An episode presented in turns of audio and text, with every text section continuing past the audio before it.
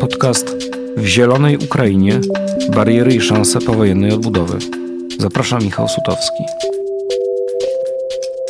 Podobnie jak poprzednio, nasz dzisiejszy odcinek to tak naprawdę In Green Ukraine, bo będziemy rozmawiać e, w języku angielskim. Hello, everyone. This is the fourth episode of our podcast dedicated to the question of prospects and barriers for the green reconstruction, green recovery of Ukraine, a country at the moment defending itself from Russian military aggression. The whole series is supported by Warsaw office of the Heinrich Böll Stiftung. And my guest today is uh, Maria Repko, uh, Deputy Director of the Center for Economic Strategy and Ukrainian economist speaking from Szczecin. Hello, Maria. Hi. Hi, uh, and thanks for joining me here. Um, I would like to ask uh, with a question uh, like, uh, your money is not charity, it's an investment. This is what President Volodymyr Zelensky said during his speech in Washington, urging Congress to, of the United States to uh, continue American support for Ukraine. I would like to ask if you see any pers- of course, what he meant, he was, of course, speaking mostly in the context of um, like the military, direct military support. Um, uh, but I would like to ask if you see any perspective for something akin to the Marshall Plan for Ukraine, and maybe even before some peace settlement can be reached. So, is it possible, like, to start reconstruction of Ukraine even before the war stops? Yeah, thank you, Michal, for this question. And uh, Dzień dobry, Poland. Uh, it's uh, an honor to be here uh, for me. And uh, of course, uh, I'm uh, very grateful for all the support that your people are providing to Ukrainians. talking about Marshall Plan and if it should be something oriented for a long term green recovery or include some short term already um, some developments which could be done now, I would uh, probably suggest that it starts uh, at the moment. And uh, actually, what I see is uh, that many countries uh, they already see that Ukraine is again quoting our president Volodymyr Zelensky alive and kicking, right? And uh, it needs all the support it can get in the face of the huge, massive destruction of its energy infrastructure. So the recovery and rebuilding should start now. If we don't want uh, Ukraine to be left with no electricity, no business, and uh, no life in its territory, uh, so this is the uh, necessity. It's not um, the question of. Uh, I would say design of a long-term policy or a mm. choice or uh, some I don't know political negotiations. This is a necessity which should be done if uh, if the world community and uh, Ukraine itself uh, believes that it uh, should survive, uh, should uh, should should stand. But okay, but well, if the if there is like if there is war, if there are bombardments, if there is like hostile artillery attacking the country, its infrastructure, as you mentioned. Um, the question is how it is possible to, for example, attract people who'd like to do do do you think in terms of uh, like uh, attracting private investment or what what could be done to to convince like investors like to go to Ukraine if if if if it's in uh, during like the so when it's under direct threat when the infrastructure when it's during the war. Mm-hmm, right mm-hmm. right. Uh, this is a very good question. I would divide uh, my answer to two parts right? Uh, first part is uh, energy sector. And uh, here uh, we could have both public and private investments and anybody who can supply generators, supply small power stations, supply, uh, I don't know, green energy and uh, even um, not so green energy, uh, everyone would be welcomed. But of course, the war is a huge factor if we are talking about probably investments which are oriented into the profit making, right? So that is why, why is it a good question? Because we need also a lot of anti-aircraft uh, defense weapons, and uh, this is uh, also the huge question of Ukraine's reconstruction. I mean, uh, you should not only think of reconstruction, but uh, also uh, on how to prevent the further destruction of the remaining assets and of the assets which are to be reconstructed and repaired and provide heat and power to, to Ukrainian people. So as an economist, I usually talk about budget, about uh, monetary policy, and so on and so forth. But now, uh, actually, every my uh, every my speech, I uh, talk about weapons because this is uh, something that could prevent destruction, that could make a recovery a less uh, financial burden to taxpayers throughout the world, not only for Ukraine. And this is really important. And the second component here is not only the anti-aircraft missiles, but also some long-range missiles because uh, Russia now feels that uh, it can do anything it wants, and uh, it uh, some pre- preventive actions I think should happen. So this is the first part, and uh, another part on uh, probably. Something more long term and on investments, not only into the energy sector, uh, already Germany and uh, US and uh, other countries uh, they have the uh, agreements with Ukraine on uh, protecting on investment guarantees. These investment guarantees, even for the wartime, for example, could be um, enacted uh, by uh, MIGA, for example, which is the U.S. Investment Guarantee uh, Agency, the, uh, the, Development Financial Corporation. This is also the U.S. agency. that is has already guaranteed the loan portfolio for one of Ukrainian banks uh, to small and medium enterprises. So again, this is uh, all could be a part of the bigger Marshall Plan. This all depends on the effort of the, the, the, global community, the public finances of our partner countries but uh, these uh, efforts they could uh, actually bring leverage and uh, attract more private money and uh, not only public ones. So that's why insurance against uh, war-related risks, against political risks, this is very important topic, and I am very glad that it is being discussed, and even some particular actions have already been taken. Mm, so, like the uh, insurance of, of, of investments, I assume, is a is a important part of what can be done uh, in terms of uh, like creating conditions for for for future for like the contemporary and future uh, uh, uh, recovery and and and reconstruction. Um, do you see any other like financial tools that, in your opinion, international community has or disposes and uh, should like use them in in order to to help Ukraine directly now or in the next months? Uh, maybe not directly now, but next month, probably if some miracle happens, it, it is possible. Uh, and uh, I'm now talking about Russian assets, about the mm-hmm. seized assets of Russian oligarchs and uh, the frozen uh, Russian central bank assets. This money just plays on uh, accounts in different Western banks, and uh, there is no moral reason to not think about channeling it to support Ukraine now and make like reconstruct hospitals, uh, reconstruct schools, and uh, of course uh, help Ukrainians to get energy and uh, heating to their houses. What is needed is a legal solution. And uh, as far as I know, Brussels is already trying to come up with such a legal solution.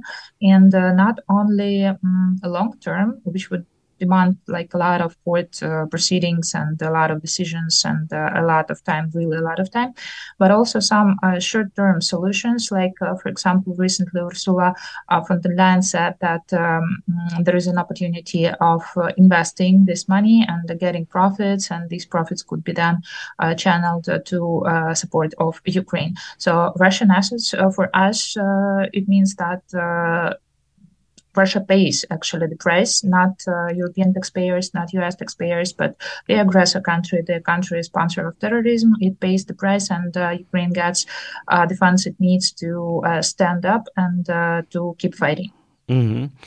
And uh, as for the like long-term, more long-term solutions. Um, EU and as well as the US, I think they are trying somehow to use the crisis they face they faced in recent years like pandemics now inflation as a sort of an opportunity for a systemic change like for example the US is uh, planning to heavily invest in in in, in green technologies the same for European Union with uh, with the Fit for 55 Repower EU and so on.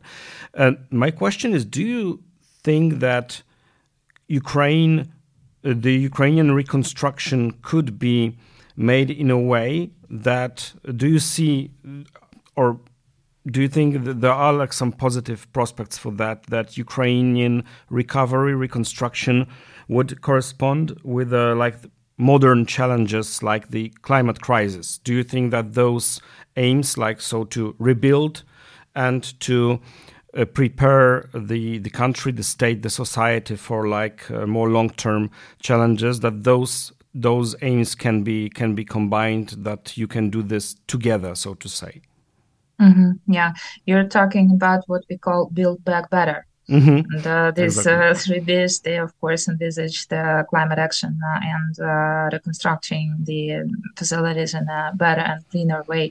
And uh, Ukraine, as a, I hope, I do hope so, future member of the European Union, of course, uh, uh, will have the green reconstruction and actually the green agenda as a whole in in in its table, and it will think about it. But what I have to say here is that if you remember, if we try to remember, like uh, Warsaw probably was uh, rebuilding itself after the uh, war, or Dresden, uh, how it was rebuilt for the first time, or the other cities which were destroyed. Uh, what was uh, the pressing issue is to build a lot of a lot of housing, build a lot of infrastructural objects at um, as cheap price as possible because uh, the needs were huge. If uh, Ukraine uh, would face the lack of money lack of funding for the reconstruction, if uh, Russian assets would not be seized in a proper way, if the West does not help Ukraine with uh, sufficient uh, financial flows or sufficient flow of projects which would be financing the reconstruction and rebuilding, then we will have a dilemma of like building back better or allowing people to have the roof over their head as uh, it uh, happened after the Second World War. For example, in Kiev, uh, most of uh, the residential buildings before uh, the year 2010 it was so-called Khrushchevki, uh, mm-hmm. which were uh, built during the Khrushchev reign. It was like a, lot, a lot of a, a lot of time have passed since the war and since the post-war reconstruction, but still they didn't have enough money, and that that's why they built cheap and affordable housing. And this so so this means that, for example, the Khrushchevki they had a very poor like thermal isolation yes, right? yeah. almost no thermal isolation at all, and uh, probably a little bit better than uh, those housing that was built during the 90s. But still, it's it's a poor housing, and of course, the infrastructure is also poor and not uh, isolated, and it's outdated. So, uh, we would have uh, a trade-off, right? Either build something cheap but build it fast and make it uh, accessible for people, or build something better, but it will be more expensive, and Ukrainians will not have sufficient money to like afford to afford this building. That's why uh, if we will be talking about the Marshall Plan, uh, we will have to be sure that there is uh, enough funding, and uh, for that, um, I, I, would I would name one figure. Uh, currently, before October, before October, before uh, Russia started to attack Ukrainian energy infrastructure, the loss of uh, physical assets, the loss of uh, you know accumulated capital in the country was uh, calculated as uh, four billion dollars per week. Mm-hmm. Uh, and uh, it was only the destruction like of uh, housing, hospitals, schools, uh, enterprises, roads, and so on and so forth. So for now, now with the energy infrastructure uh, at X, it's it's much much much more, and uh, the amount of funds which would be needed, it would probably exceed half a trillion dollars because previously before the energy infrastructure attacks, uh, the World Bank estimated the needs at uh, 250, if I'm not mistaken, uh, uh billions. Uh, so now it would be now it would be uh, more, and of course it's we're not talking about one year. We are not probably talking even about the three years period horizon, maybe five, ten, and further on. But still, these funds are, are, are huge. Uh, that's why it's important if Ukraine has it or uh, or not. And uh, from it will depend if it would go green or if it will opt for something cheaper. Mm-hmm. So this trade-off between like if, if, there is a scarcity of resources, like then this trade-off, of course, um, appears. But yes. there is also the question of even more long term like perspective. What I mean by that is that uh, Ukraine has a huge potential to develop like uh, green energy sources like uh, the wind or the solar um, due to its like geographical um, setting. Um, do you think that uh, Ukraine could become like a, an, a part of this broader European, probably later within the Europe as a member of the European Union, as a sort of a climate neutral Europe framework? Mm. Mm-hmm. Uh, Ukraine has not only green uh, energy, um, let's say, facilities or prerequisites. This is only Ukrainian th- south where mm-hmm. uh, the solar panels could be installed and work successfully. Ukraine has uh, several uh, nuclear power stations, which uh, works at about 50% of their installed capacities. So it would be increased, uh, and with the uh, integration of Ukrainian energy networks with European ENTSO-E, we, will, we actually already have the opportunity to export electricity to European Union, and this electricity is cheap and I would say green nuclear power because uh, I do believe, and this is uh, my genuine belief, that nuclear energy is uh, okay from the point of view of green green development. Uh, what we also have and what's important, for example, in Yuzivka, uh, this is uh, the area between Lugansk and Kharkiv in the eastern Ukraine. there is there is a gas field, natural gas field, Yuzivska uh, Yuzivka gas field, and it is not like underexplored. It it has a huge gas deposits, natural gas deposits. it could be pretty easily extracted, and if we have like stable. Um, national border with Russia, and uh, if uh, investments come there and uh, of course be insured in a proper way against all military risks ukraine can uh, increase its gas extraction like uh, enormously. And uh, we already had uh, for example Shell company which was going there and exploring its options. And also ukraine has gas in the black sea in the black sea coast.